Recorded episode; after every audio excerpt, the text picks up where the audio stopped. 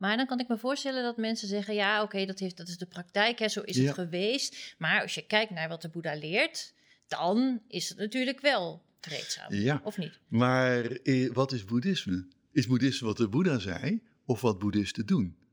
En ik neig sterk tot dat laatste eerlijk gezegd. Ik bedoel, Christus zou zich ook niet herkennen in het Vaticaan, denk ik.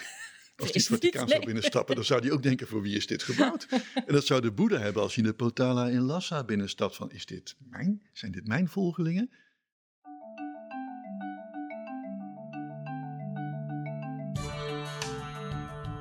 Dit is De Reflector, de podcast van Radboud Reflect. Een verdiepend interview met de schrijver van een nieuw wetenschappelijk boek. Wat zijn de grote vragen waar dit boek antwoord op geeft? Wat is de waarde ervan voor de maatschappij? Ga er lekker voor zitten. Luister, leer, reflecteer en geniet. Welkom bij De Reflector. Dag, ik ben Lisbeth Jansen en vandaag ga ik in gesprek met Paul van der Velde, hoogleraar Aziatische religies aan de Radboud Universiteit. Hij schreef recent een nieuw boek getiteld In de huid van de Boeddha. En daarover gaan we samen in gesprek. En we zullen daarbij inzoomen op drie thema's die ook centraal staan in het boek, namelijk geweldloosheid, eh, de gelijkwaardigheid van man en vrouw binnen het boeddhisme en de vraag of boeddhisme nu wel of niet een religie is. Ik heb er zin in. En ik ga eigenlijk eh, beginnen, eh, Paul. Ja. Want ik ben heel benieuwd. Je boek heeft allerlei lovende recensies gekregen. Ja, Vijf sterren ja. in de Volkskrant, et cetera. Ehm, maar je hebt er vast niet alleen maar vrienden mee gemaakt. Hè? Want je bent nogal kritisch. Ja, ehm, nou kijk, ik heb het boek geschreven aan de hand van een vraag van de uitgeverij. Die hebben mij een paar jaar terug benaderd of ik dit boek wilde schrijven. Nou, dat wilde ik wel. Ik ben met voorstellen gekomen, maar eh, deze uitgeverij wilde eigenlijk een, eh, een boek wat in eerste instantie een inleiding gaf op het boeddhisme. Dat heb ik ook mijn best op gedaan. Hè. De, de- het begin is echt leven van de Boeddha, leer van de Boeddha, dat soort kwesties. En ehm, nou, daar eh, ben ik mee bezig geweest. Eh, vervolgens uiteraard eh, de verbreiding van het boeddhisme over de hele wereld. En ik heb eh, daar ook geen uitzondering eh, in gemaakt van het Westen. Op een bepaald moment, zoals het in China belandde, Japan belandde, Tibet belandde, belandde het ook in het Westen. Dus gewoon doorgaan in die, in die traditie, nou, dan, dan belandt het in het Westen. En ehm, dat heeft al zijn karakteristieken, daar gaan we zo meteen waarschijnlijk met die thema's wel op in. En dan eh, vervolgens heb ik een aantal onderwerpen genomen die, ja, die, die, die komen naar voren als het boeddhisme hier ter sprake komt. De Dalai Lama, het Boeddha-beeld, boeddhisme en psychotherapie. En inderdaad, de onderwerp waar we zo meteen over gaan praten. Want ik heb in de loop der jaren gewoon gemerkt dat ehm, onze beeldvorming van het boeddhisme in het Westen ongelooflijk rooskleurig is. En als we dan opeens zien dat er in Azië iets gebeurt in een boeddhistisch land waarvan wij denken, hè, eh, hoe kan dat nou? Dat we dan teleurgesteld zijn omdat het boeddhisten zijn die het doen. En ja, dan heb ik zo'n reactie, get real. Het zijn mensen. En menselijkheid overheerst. En mensen doen hele gekke dingen af en toe. En eh, dat, dat kun je onder iedere muts kun je dat doen. En ook onder een boodschap van het boeddhisme, waarvan wij in eerste instantie toch heel vaak denken dat het allemaal over hele menslievende dingen gaat. Ja, want was dat dan ook een van de doelen van je boek? Dat je toch op een bepaalde manier een soort opvoedkundige taak voor jezelf Ja. zag? Om, ja. ja, ja eh, deze uitgeverij, ik, ik mag de naam toch wel noemen van de uitgeverij. Ja, uitgeverij Balans, eh, mooie uitgeverij. Richt zich op een breed publiek. En ehm, ja, had dus echt ook die, die, die, die vraag aan mij. eh, De geïnteresseerde lezer met boeddhisme, wat, wat, wat wil jij die nou mededelen? En eh, dan als die vraag op die manier naar mij komt, ik had een paar boekvoorstellen hoor, maar ze kozen deze daaruit. Dan wil ik inderdaad vertellen waar gaat dat boeddhisme over? Nou, dat heb ik dus in de eerste stukken gedaan. En dan vervolgens, wat speelt er? Als, als ik eh, vertel ergens dat ik boeddhisme doseer op de universiteit, met boeddhisme bezig ben, vaak in boeddhistische landen kom, et cetera, dan gaan de mondhoeken omhoog, dan begint men te glimlachen. Wat speelt er nou toch? En dan hoor ik al heel snel opmerkingen eh, ja, die heel erg rooskleurig zijn. En kijken, dat mag, hè? Als, als, als mensen daardoor door geïnspireerd raken. En ik heb twee criteria, die noem ik ook in het boek. Als justitie het goed vindt en niet al te veel wezens lijden eronder, dan is het probleem al redelijk snel eh, klein. Hè? Eh, en ook als mensen door twee keer twintig minuten per dag op een kussen te gaan zitten en een bepaalde mantra te reciteren, hè, een bepaalde krachtige klanken of zo, of te mediteren en daardoor kunnen ze het leven beter aan. Ze zijn aangenaam voor een omgeving, voor hun familie. Nou, dan zie ik het probleem al niet. Hoor. Nee. Vooral doen. Dat, dat, daar is niks mis mee. Maar eh, als we dan gaan zeggen, dat is wat boeddhisten doen, dan heb ik zoiets van ho ho ho, hier, hier eh, gaat iets mis. Want in Azië gebeuren ook andere dingen. Ja, ik dus wil met dit ja. boek dus ook veel misverstanden wegnemen wat Ja. dat betreft. Ja, en misschien moeten we dan bij een van die misverstanden beginnen. Ja. Eh, namelijk, het boeddhisme is geweldloos. Wat kun je eens uitleggen, als je het daarover hebt, wat, je dan, wat mensen hier in het Westen voor aannames hebben? Er zijn nog veel meer voorbeelden te geven van min of meer boeddhistisch geweld. De vijfde en de dertiende Dalai Lama waren bijvoorbeeld ook bijzonder vreed. Maar Ashoka, die in het boeddhisme toch wel vaak als de ideale koning wordt beschouwd, is duidelijk in zijn mening. Oorlog is niet te rechtvaardigen. Dit zegt hij na de nodige ervaring met bloedvergieten. De opvolging van zijn vader was zeer bloederig en ook de veldslag van Kalinga was verschrikkelijk. Je bent ver afgegleden van wat Boeddha bedoeld zou hebben als je geweld op deze manier inzet. Maar boeddhistisch geweld een onmogelijkheid? Nooit een boeddhistische oorlog? Boeddhisme is wat boeddhisten doen. Ja, mensen denken dat de Boeddha altijd op vrede uit was. Dat was hij misschien ook wel, maar eh, hij heeft uiteraard ook uitspraken gedaan die dubbelzinnig uitgelegd konden worden. En eh, het, het, het chockerende vind ik af en toe dat je dan eh, bijvoorbeeld merkt. Nou, we hebben nou het beroemdste voorbeeld is Myanmar op het moment. En de Rohingya's, wat daar al jaren speelt. Dat mensen dan niet geschokt zijn dat het gebeurt. Rohingya's zijn moslims en moslim betekent tegenwoordig bijna automatisch gewelddadig. Ook een gigantisch vreemd vooroordeel, maar dat komen we tegen. En bij boeddhisten denkt men vreedzaam. En dan zijn mensen geschokt niet zozeer dat dit gebeurt, maar dat het boeddhisten zijn die het doen. Ja, En eh, als men denkt aan eh, de Dalai Lama bijvoorbeeld, dan denken we meteen aan nou, de vriendelijk glimlachende man, hè, die, die, die altijd eh, allerlei internationale kwesties wordt gevraagd en zo. Glimlacht, vriendelijk overkomt, et cetera. Hij is in, in, Tibet zelf wordt hij gezien als een incarnatie van vorige Dalai Lama's. Nou, de dertiende werd de Bodhisattva Warrior genoemd, hè, de vechtende Bodhisattva, omdat hij zo onvoorstelbaar vreed kon zijn. Hè, die liet mensen executeren door hun ogen eruit te laten halen. Hoor. Dat is helemaal niet, niet zo vreedzaam. En de vijfde Dalai Lama in de 17e eeuw heeft gigantisch veel oorlog gevoerd. En dan wordt in het boeddhisme gezegd in Tibet ook, dat is upaya, hè, skillful means, vaardige middelen. Dat is de vorm die het boeddhisme moest hebben in die tijd, want die tijd had dat nodig. Maar bij vreedzaamheid denken wij toch altijd aan een boodschap van vrede. Dan denken we niet aan dit soort extreem vrede dingen. ja, En die waren er, die zijn er geweest in de geschiedenis van het boeddhisme. ja. Denk ook aan de Tweede Wereldoorlog, de Zen-monniken die de kamikaze-piloten zegenden. Nou is dat niet vreemd, want in, in de tijd dat de Tweede Wereldoorlog speelde, alle Japanners stonden achter de keizer, zowat allemaal. Dus het is niet vreemd dat dat gebeurde. Alleen, eh, ja, ik vond het nogal van naïviteit getuigen toen op een gegeven moment bleek dat eh, ja, heel veel mensen hier in het Westen volgen zen-boeddhisme, eh, dat veel van de inspirators van die oorspronkelijke zen-leraren, dat die achter de keizer stonden en daarmee ook in feite achter het nazisme. Ja. Dat zijn dan enorme eh, schokken voor mensen, terwijl ik denk, ja, verdiep je in de geschiedenis Ja. en dan kom je er tegen. Maar dan kan ik me voorstellen dat mensen zeggen: ja, oké, dat dat, dat is de praktijk, hè, zo is Ja. het geweest. Maar als je kijkt naar wat de Boeddha leert, dan is het natuurlijk wel Ja. Of niet? Maar eh, wat is boeddhisme? Is boeddhisme wat de Boeddha zei of wat boeddhisten doen? En ik neig sterk tot dat laatste eerlijk gezegd. Ik bedoel, Christus zou zich ook niet herkennen in het Vaticaan, denk ik. Als hij het niet, Vaticaan zou binnenstappen, dan zou hij ook denken, voor wie is dit gebouwd? En dat zou de Boeddha hebben als hij in de Potala in Lhasa binnenstapt. Van, is dit mijn? Zijn dit mijn volgelingen? Hij is zelf weggegaan uit het paleis. Dus ja, eh, eh, dat, dan heb je natuurlijk te maken met wat is norm wat is werkelijkheid. Ja, als je zegt de norm is het leven van de Boeddha, dat zou de, de, de kern zijn of iets dergelijks. Nou, dat kun je vinden. Ehm, dat is een uitgangspunt, dat is in ieder geval een inspiratiebron voor veel boeddhisten. Maar kijk wat er vervolgens mee gebeurt. Ja, en, en dat spanningsveld zul je altijd houden, de oorspronkelijke inspiratoren en wat mensen ermee doen. Ja. En in dit boek, eh, ik behandel het leven van de Boeddha zeer uitvoerig. Ik eh, kijk ook naar wat, wat de oude leer is, hoe de leer zich ontwikkelt. Maar ik hanteer twee criteria voor wat ik als boeddhisme beschouw. Eentje die ik in een boek eerder heb genoemd, hè, de oude Boeddha en de Nieuw- nieuwe wereld.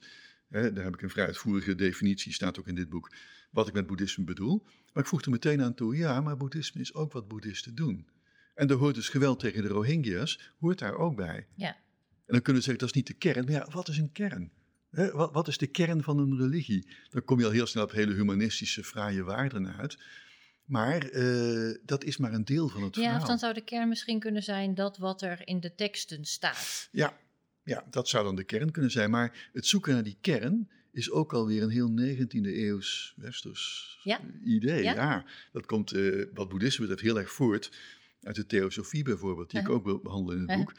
Hè, de, de, de, de westerse zoektocht naar eh, bepaalde essentiële wijsheden van de mensheid, die op zeer ver afgelegen plekken nog te vinden zou zijn. Onder meer Tibet, hè, wat sinds de 17e eeuw hermetisch gesloten was. En ook diep in eh, hele oude mensen die die wijsheid zouden belichamen. En dat hoopte men echt te vinden in die tijd, in die afgelegen gebieden, dus onder meer in Tibet en ook in die oude wijze mensen. En dan gaat het over de wijsheid van de verloren bibliotheek eh, eh, van Alexandrië, Cordoba, Atlantis, et cetera. Dat, soort, dat genre kennis. En die zoektocht, die kweeste, kan zeer oprecht zijn. Maar ja, of die nou ook eh, echt kernen blootlegt, daar mag je natuurlijk je vraagtekens bij Ja, en stellen. als ik je goed begrijp, is het in ieder geval een heel erg westerse Ja. procedure, zeg Een maar, om zo'n kern te willen. Ja hoor, het is een hele westerse zoektocht om die diepe wijsheidskernen eh, daar te zoeken. Ja, want voor de gemiddelde boeddhist in, in Azië, In Azië speelt het allemaal niet zo. nee? Het is gewoon oud, de Boeddha is belangrijk, de Boeddha is heel heilig. Kijk, wij denken ook dat alle boeddhisten mediteren. Ja, want het is inderdaad waar, als iemand hier met boeddhisme bezig is, een westerling, dan weet je één ding zeker, die mediteert. En wij beschouwen ook eh, meditatie hier in het Westen als de essentie van het boeddhisme. Mhm. Want dat is hoe de Boeddha zijn verlichting bereikte. Hè, 49 dagen onder die boom gezeten daar. Maar als je kijkt naar Azië, niemand zegt dat. Eh, de Boeddha heeft zijn verdiensten opgebouwd door positief karma gedurende duizenden vorige levens.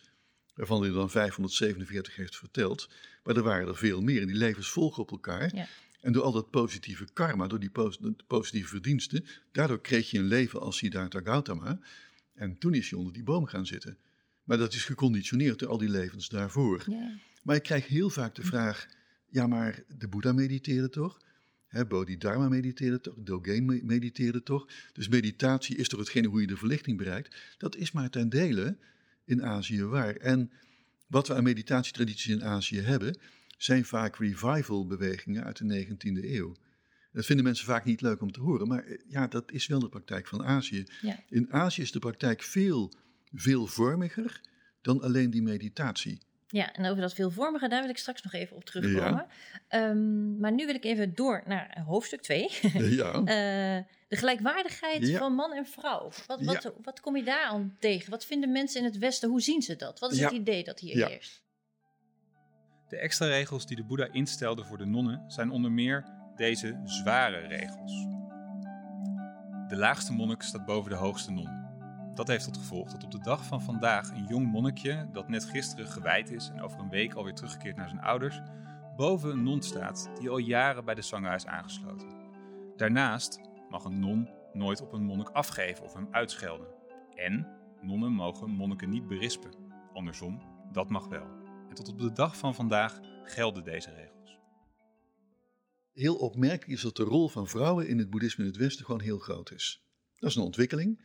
Die heeft ook heel sterk te maken met het idee dat eh, de Boeddha met emancipatie bezig was.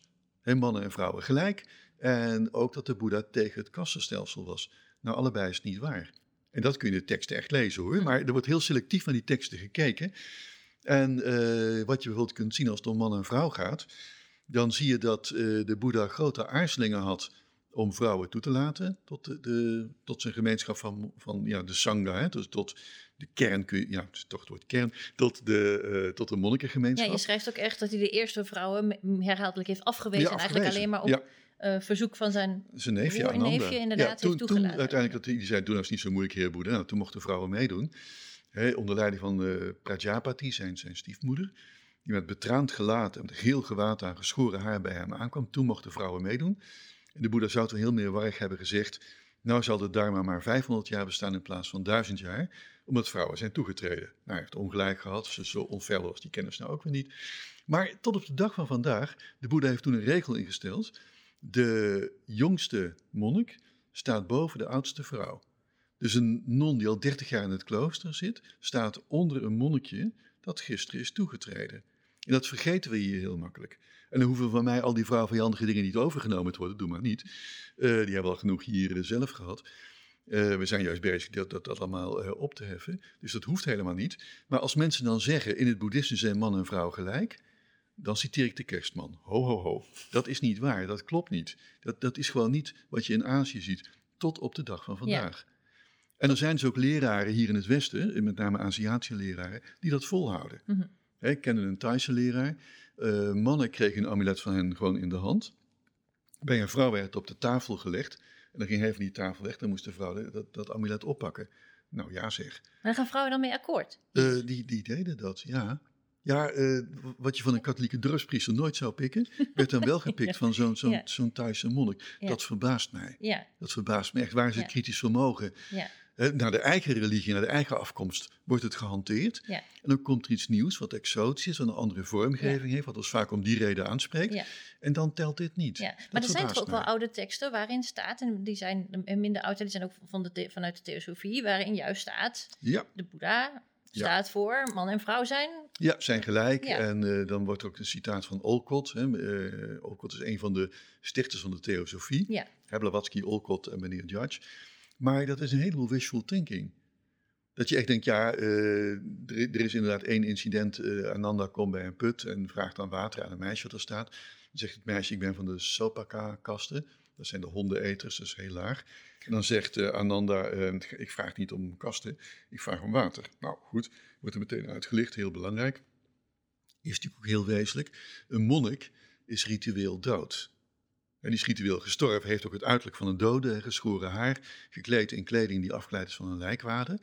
Dus die wordt niet geraakt meer door kasten en dat soort zaken, door reinheid, onreinheid. De praktijk is weer barstiger hoor. In Sri Lanka heb je hoogkastenkloosters en laagkastenkloosters. Dat hoort niet, maar het is er wel. Ja, bepaalde kloosters waar ja. alleen hoge kasten jongens in mogen ja, en eh, andere waar lagere kasten in mogen. ja. Maar en, want ik ga er ervan uit dat hetzelfde dan geldt voor de nonnen. Die zijn toch ook ritueel dood of dood voor, voor de wereld. ja, maar staan dan alsnog wel Ja, onder staan onder de, de ritueel dode man. onder, onder de ritueel dode mannen. Dat is natuurlijk op zich heel merkwaardig. Mm. En nou zijn er in Azië weinig echte nonnen meer te vinden. Kijk, kom je in een land als Myanmar, heb je heel veel vrouwen in de kloosters, maar die onderhouden niet alle kloosterregels. En dat zouden ze misschien wel willen, maar dat mag niet Ja. van de heren. Ja. Het is gewoon een heel, heel patriarchaal instituut wat dat betreft. Ja, nou ja, goed. En dat, dat, eh, dat is er.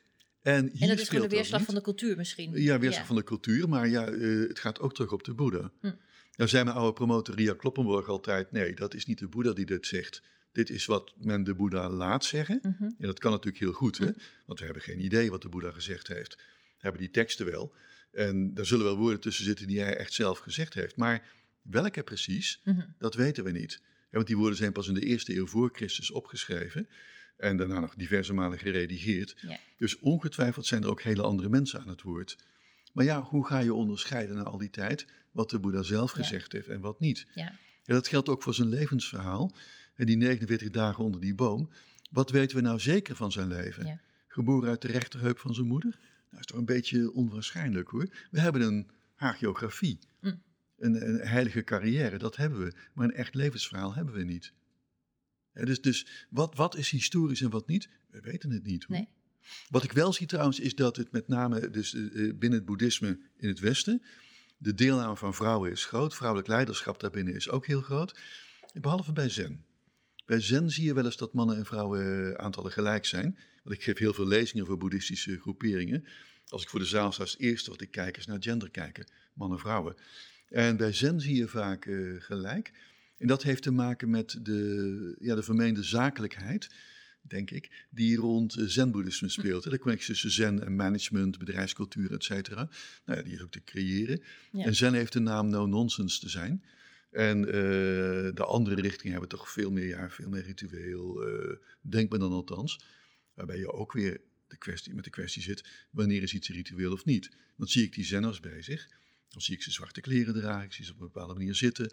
Ze komen op een bepaalde manier komen ze binnen. Dat kun je allemaal als ritueel Ja. uitleggen. Ja.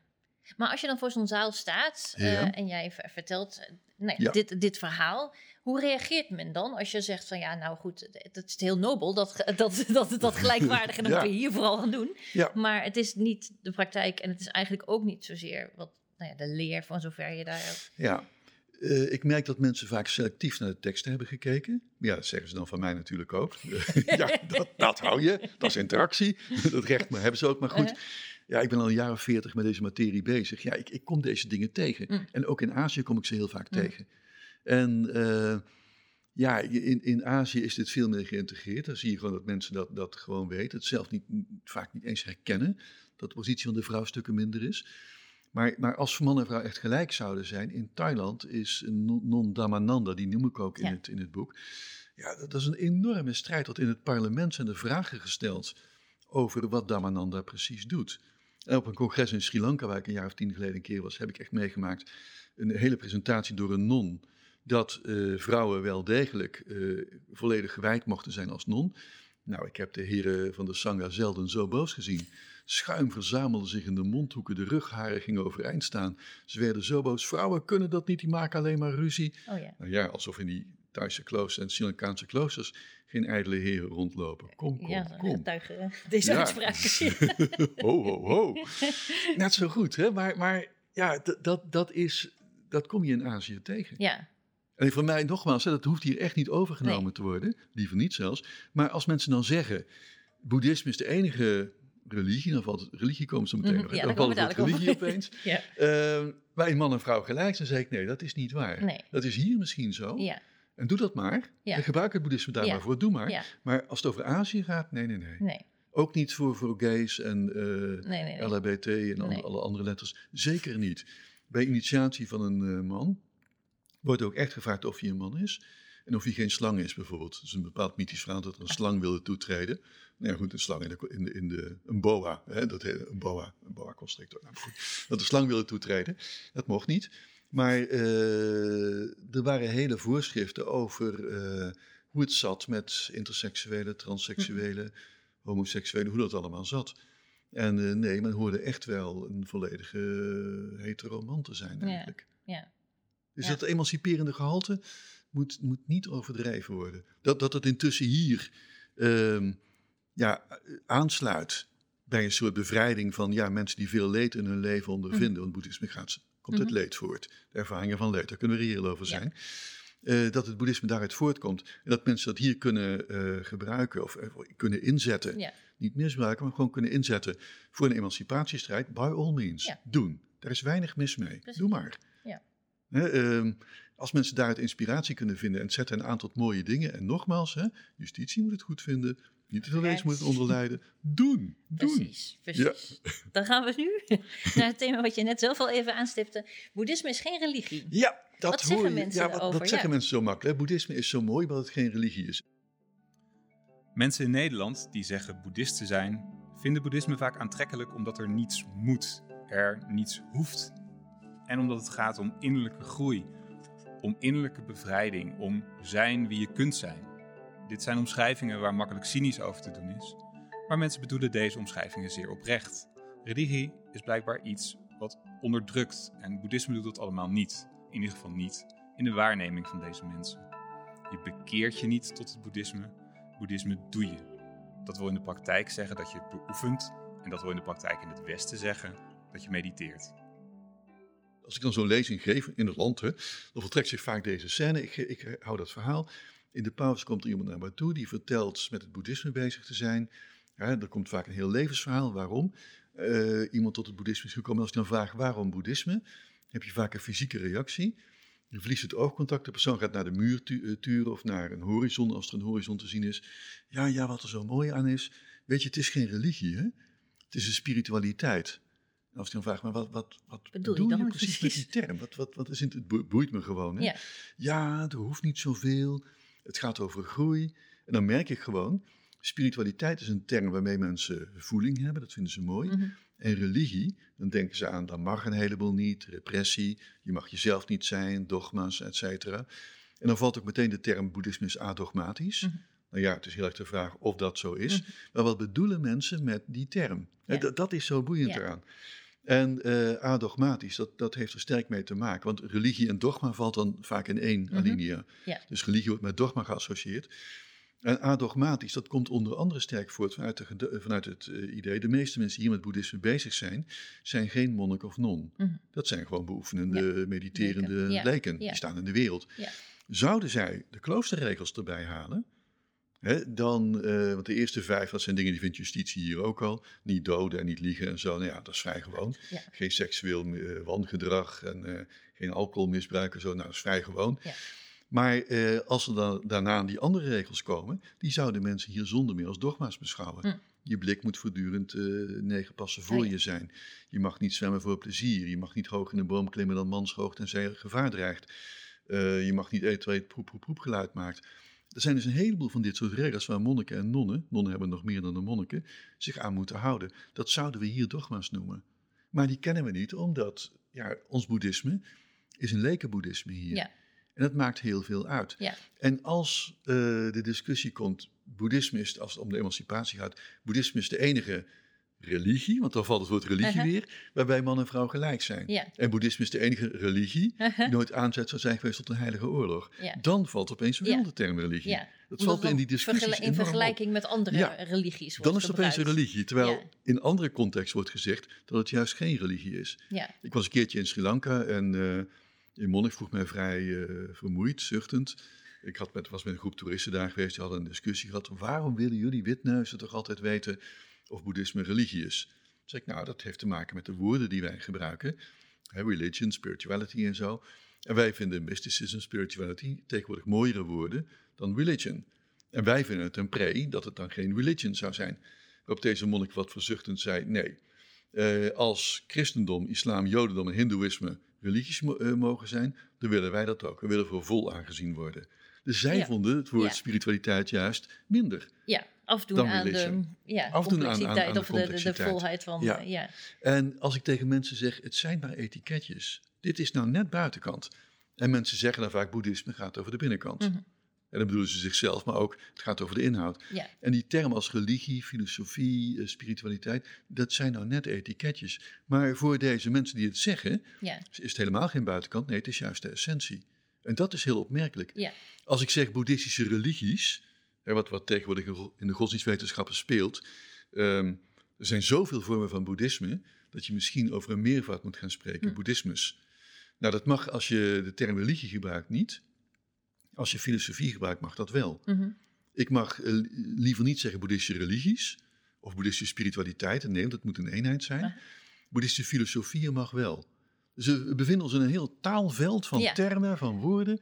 En Van Mijnenvelden. ja, en voor mensen blijkt dat essentieel te zijn. Terwijl je dan eigenlijk afvraagt, ja maar jongens, dit zijn etiketjes, dit is buitenkant. Wat doe je ermee? Wat betekent het voor jou Ja. in jouw leven? Dat Ja. vind ik een veel boeiender eh, kwestie eigenlijk. Ja, en is, maar is het dan toch, denk je dat het belangrijk is, bijvoorbeeld omdat mensen daarin iets vinden wat ze, nou ja, wat hen eh, anders maakt of wat hun Ja. praktijken anders maakt dan die anderen en dat het daarom niet zo mag heten? Ik, ik denk het wel. Hm. Eh, ik denk dat ze het gevoel krijgen, eh, het idee krijgen dat ze er autonomer in staan.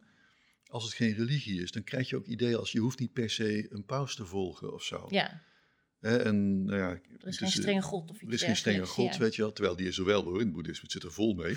De boeddhische hemel zit chockvol. En als je doodgaat, althans in Azië, als je in Azië doodgaat, dan verschijn je voor de god Yama, de god van de dood. En die gaat heel streng rechtspreken over jou, Ja. waar jouw volgende incarnatie gaat plaatsvinden. Je kunt heel naar in de hel belanden hoor. Dat, Ja. eh, dus de voorstellingen daarvoor zijn in Azië juist ongelooflijk sterk aanwezig. En wat je nou hier ziet, eh, mensen gaan daar niet op in. Want als je daarin gaat geloven, dan wordt het weer een religie. En dat moet juist niet. Het moet ervaring zijn, het moet gevoel zijn. Ja, En dan krijg je ook dat de, bijvoorbeeld de zes werelden waarin je kunt worden wedergeboren, waar, waar in het boeddhisme heel vaak sprake van is, die worden dan states of mind. ja, De hemel wordt een euforen bui, de hel wordt een depressie, de hongerige geest, de situatie van Wall Street, hè, et cetera. ja, De wereld van de dieren, eh, een, een, situatie van absoluut onbegrip. Als iemand je probeert de nieuwe eh, regels voor de belasting uit te leggen of zo, dat in elkaar zit, weet je wel. Zo, herkenbaar. Oh, Ja. de wereld van de dieren, oké. En dan is de mensenwereld toch de beste.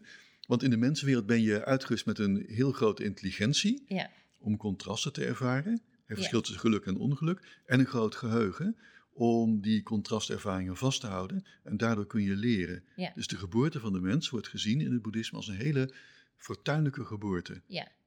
En ja, zo gaat dat dan. Ja. Ik neem aan dat de Boeddha zelf, voor zover we dat weten uiteraard, niks gezegd heeft over of zijn traditie, en zijn spiritualiteit, zijn beweging, ik weet niet precies welk woord Ja. we moeten gebruiken, of het wel of niet een religie is. Nee, hij gebruikt het woordje dharma, Ja, eh, ordening, of Ja. eh, sasana, opdracht, bevel. ja. En Sasana is natuurlijk een term die een generaal gebruikt. Dus eh, kijk, in, in Azië, ik, ken een aantal Aziatische talen, maar ik ken niet één woord wat overeenkomt met ons woord religie. Gewoon niet. Hm. En een goede vraag terug zou zijn, is het christendom een dharma? Kijk, dan, dan zit je op geen Ja. over gelijke termen Ja. te praten. Ja. Hè? Van oké, Ja. is christendom een dharma? Hij heeft er een boek geschreven een aantal jaren terug, De Dharma van Benedictus. Kijk, en dan, dan ben je inderdaad bezig Ja, ja. iets, eh, een brug Ja. te bouwen. Hè? Ja, Dan wordt het ja, interessant. Ja. Ja, Ja. want misschien is dit wel een leuk bruggetje om over bruggen Ja. te spreken. Nou, wat, wat, wat mij bijvoorbeeld, wat mij persoonlijk fascineert, is de vraag: wat maakt nou, dus ik ben benieuwd wat jij daarvan Ja. vindt, hè? Wa- Wat maakt nou dat mensen hier in het Westen dingen in het boeddhisme vinden, denken te vinden, eh, waarvan jij zegt, nou, die zijn er in de praktijk eigenlijk niet, of, of in ieder geval maar heel erg eh, verdeeld of mondjesmaat of anders Ja. dan wij. Een forse vraag. Ik, ik denk bijvoorbeeld die emancipatie. Dat, dat we die proberen te vinden in, zie je wel, er is een spirituele traditie of religieuze traditie die mannen en vrouwen elkaar gelijk stelt. Daar halen mensen inspiratie uit. Terwijl daar een heleboel wishful thinking in zit. Mhm. Het is een ontwikkeling die we hier doormaken. En eh, die projecteren we in feite op een, op een oude religie. Mhm. En ehm, het draagt natuurlijk een exotische jas. Ja. En dat, dat is heel wezenlijk Ja. eh, hier binnen. Waardoor bijvoorbeeld, eh, ja, we hebben met de katholieke kerk, de katholieke, katholieke traditie, heeft een gigantische traditie van meditatie, van contemplatie, van mystiek. Ja. En ehm, ja, blijkbaar voldoet die niet meer, omdat we te veel negatieve connotaties hebben bij katholicisme. Er zijn Ja. enorme misbruikkwesties geweest. Ja. De vrouw in de katholieke kerk was natuurlijk zo goed Ja. als niets. Nou, die erfenis slepen we enorm mee. En eh, we kijken dan naar het exotische boeddhisme. En het is inderdaad waar, eh, het boeddhisme, de monniken waren bereid, hebben zich ook bereid betoond, in te gaan op de vragen die in het Westen bestonden. En wat zijn onze vragen? We hebben een heleboel. En toch zijn we niet gelukkig. Ja, Stress, Ja. burn-out, et cetera. ja, En er zijn inderdaad meditatieoefeningen. Als je daar op de juiste manier mee omgaat, iemand die dat goed leert, dan kun je inderdaad stress en burn-out daarmee voorkomen. ja. En daar, eh, ja, het, het christendom had daar misschien iets meer kunnen doen. Dus een marketing niet op orde. Marketing idee, doe iets. Hier, was iets mee te doen geweest. Ja, En eh, ja, het boeddhisme is daarop ingegaan. Ja. En dat, dat is het begrip upaya, hè, skillful means, vaardige middelen. Het boeddhisme gaat altijd in op de behoefte die in een cultuur bestaat. Mhm. Toen het in China aankwam, ging het hele andere dingen doen dan toen het in Tibet Mhm, aankwam. Of mhm, in Japan. En toen het in Tibet aankwam, eh, het Tibetaanse landschap dat rommelt en dat borrelt, er zitten aardbevingen, et cetera. Dus eh, wat gingen eh, de monniken doen? Die gingen demonen bezweren, demonen van het landschap. En dat betekende onder meer, het nam de vorm aan van irrigatie. Je gaat irrigatiekanalen aanleggen en dat Ah. betekent temmen van het landschap. ja, Ja, dus de, dat werd gedaan. ja, En eh, de monniken waarmee dus Westelingen in contact kwamen, in eerste instantie was dat, eh, ja, er waren natuurlijk filosofen, eh, Schopenhauer en zo. mhm. Maar ja, de echte doorbraak kwam pas zo in de jaren, ja, jaren 50 van de Mhm. 20e eeuw. Ja, de beatnik-generatie, Jack Kerouac en zo, Ja, Alan ja, Watts, dat soort mensen. De hippies die er achteraan kwamen. Nou, wat zagen de boeddhistische leraren? Deze mensen lijden aan stress, ja, ze zijn niet gelukkig, ze zitten in een zoektocht. Nou, die, die meditatieoefeningen, ja, die kun je gewoon gaan doen. Ja. En zo ingewikkeld zijn ze niet. nee, Eh, je hoeft niet eens in de lotus zitten kunnen gaan zitten. Maar je kunt ze gewoon gaan doen. Je kunt dat iemand een paar minuten, een kwartiertje leren. Ja. Nou, en die oefeningen werken wel. ja, In feite is wat je dan doet, dat zijn eigenlijk de voorbereidende oefeningen voor de verdere oefeningen. mhm. Maar als mensen daarmee, daaraan genoeg hebben om stress en burn-out tegen te gaan. Ja. En enigszins gelukkig te worden in hun eh, dagelijks bestaan. ja, Ja, niks mis mee. ja, En eh, wat je dus wel nu heel erg ziet in het Westen, is dat eh, er ook vaak wordt gezegd: Boeddhisme is de enige religie die gaat om het geluk in het hier en nu. ja, Dat is onzin, dat is helemaal niet waar. maar het is een ontwikkeling die zich in het Westen voltrekt. ja, Azië heb ik dat nog nooit iemand horen zeggen. nee, Dat zegt helemaal niemand. nee. Maar je zou natuurlijk kunnen zeggen, nou ja, iedere, wat, wat je zelf zegt, hè, dus het boeddhisme past zich aan al Ja. naar gelang de context waarin ze zich bevindt. Nou, in de westerse context eh, hebben we dit en dat nodig en, Ja. en gaan we uit van een aantal principes eh, of waarden die we. Ja. Dus gelijk, de- geweldloosheid, ge- gelijkwaardigheid, Ja, ja, ja. enzovoort, die misschien gebaseerd zijn op onze eigen achtergrond, op onze eigen tradities. Eh, en die, nou ja, die gaan we dan hier Ja. eh, verder implementeren. En dat is dan toch prima? Dat is prima. Nou, is het Ja. ook. Ja. Ik ben pragmatisch genoeg. Ik Pragmatisme heb ik echt van Azië overgenomen. Eh, Azië zou meteen zeggen, nou fantastisch, doe maar. Als dat aanzet tot een betere wereld, Ja. dat het dan ideologisch, historisch niet klopt. Wow, wat een probleem zeg. Nee, dan, dan, dan, ja, dan doen we dat toch. Ja. Dan maken we toch hier een, Ja. een, een boeddhisme waarin man en vrouw wel gelijk zijn aan elkaar. Waarin mensen wel geconcentreerd zijn op het geluk in het hier en nu. Alleen als ze gaan, terug gaan projecteren op Azië, Ja, dan zeg ik, oh, dat klopt niet. ja, Maar als, mensen daardoor, als het hier daardoor een betere wereld Ja. zou worden, nou, doen. Ja. En nogmaals, justitie vindt het goed en niet te veel wezens lijden eronder. Dat Precies. maar de leidende criteria. Eh, doen. ja. Dus ik, ik zit er niet zo vreselijk mee dat dat historisch niet zou kloppen. Nee. Het is onderdeel van het nieuwe boeddhisme wat we hier hebben. Onderdeel van het westerse boeddhisme. Maar zeg jij, het is wel goed als mensen zich ervan bewust zijn Ja. dat, het dus niet, dat die ja, niet kloppen. Ja, want de schok, wat er dan gebeurt in Myanmar met de Rohingya's, Ja. ja, dat is dan een enorme schok. En dat komt onder meer voort uit ons eigen wishful thinking. Ja. Dat wij zo graag willen dat die boeddhisten allemaal zo vreedzaam zijn. Nou, dat zijn ze niet. En dan, want dat, dat, ja, daar wil ik dan toch nog heel even op in, eh, aanhaken. Eh, want inderdaad, dat wishful thinking, ik vind, dat, ik vind het gewoon fascinerend. Mhm, je denkt, ja. Hoe komt het dat mensen iets van.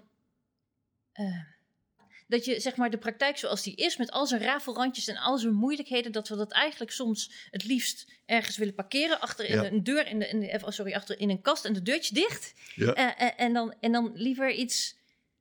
ons richten op iets wat puur en authentiek en heel enzovoort enzovoort lijkt. Want dat is Ja, toch de Die werkelijkheid behoefte niet? hebben we. Nee, de, de, de werkelijkheid is gebroken. Ja, De werkelijkheid is helemaal kapot. Die ligt uit elkaar. Hoe precies. kun je gelukkig zijn in een wereld waarin, waarin zoveel mensen lijden? Het, het is voor mij een ondraaglijke gedachte Ja, dat nu, this very moment, er boten ronddrijven op de Middellandse Zee. ja, Met Ja. vluchtelingen erin. En wij zitten hier gezellig te praten. Ik, ik moet me voortdurend in die wereld handhaven. Maar eigenlijk is het natuurlijk te wild te horen dat het zo is. ja. Je probeert eraan te doen wat je eraan kunt doen. Maar in praktijk blijkt dat niet eens zo, zo vreselijk veel Maar te misschien zijn. is dat het wel, hè? We Ja. worden steeds meer, en misschien juist ook wel door de globalisering en de Ja. eh, steeds meer geconfronteerd met lijden. En dat willen we niet. En we, voelen ons eigenlijk ook machteloos tot op zekere hoogte. Dus wat we dan graag willen is echt iets Ergens vandaan moet het halen. somewhere over the rainbow, hè? Skies are blue. Het moet, ergens moet het paradijs zijn. Ja, Eh, ja, die behoefte hebben we. ja, De gebrokenheid eh, die we in onszelf merken, die we in onze wereld eh, tegenkomen. ja, Ja, ergens moet de wereld zijn waar het perfect is. ja, Waar het allemaal fijn is en goed is. ja. En dat, dat kom je in het boeddhisme trouwens precies zo tegen in Azië. De wereld van Amida en zo. De Sukhavati-hemel. Daarvan wordt dat ook altijd gezegd. Helemaal perfecte wereld. Eh, je kunt er oneindig rode wijn drinken zonder kater. Nou, zo, zo gaat dat maar door. Fantastische wereld. Ja, Maar moet de- dat inderdaad? Zouden we niet gewoon beter kunnen proberen om de wereld in al zijn complex, complexheid, gebrokenheid Ja, ja. te, te, om, te aanvaarden? ja, we moeten ons eh, ontheffen van de verplichting continu gelukkig te zijn, volgens mij. Ja, dat is mooi. Als we daar nou eens mee zouden ophouden Ja. en zien wat de wereld Ja. eigenlijk is, dat scheelt een Ja. heleboel. Ik ben er een tijdje terug mee begonnen om, om mezelf te, te ontheffen van die verplichting. Waarom moet ik voortdurend gelukkig zijn? Het hoeft helemaal niet. Nee. Nou, dat scheelt een heleboel. Het scheelt een hoop stress, hè? scheelt een ja. hoop stress. precies. Scheelt echt een heleboel. Gewoon, dat waarom moet dat nou toch? Ja, Dus justitie moet het goed vinden, eh, geen niet te veel wezen scha- schade. En we moeten ons ontheffen van die verplichting dat we continu gelukkig moeten zijn. ja, De Boeddha zou trouwens, ik kom die uitspraak heel vaak tegen.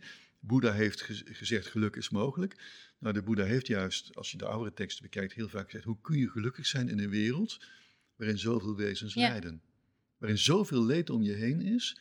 Hoe kun jij dan zeggen: oh, ik ben gelukkig? ja, Ah, ah. Nee, ehm, we zullen met het, met het leed van onszelf en het leed van anderen moeten leren omgaan. Ja. Met name met de grote contrasten. ja. Dat het, dat het, kijk, het is Ja. hier best gezellig nu met in, deze ruimte. ja. Wij Maar, niet een eh, bootje op de Middellandse ja, maar eh, en, en het, het kan ieder moment kan het veranderen.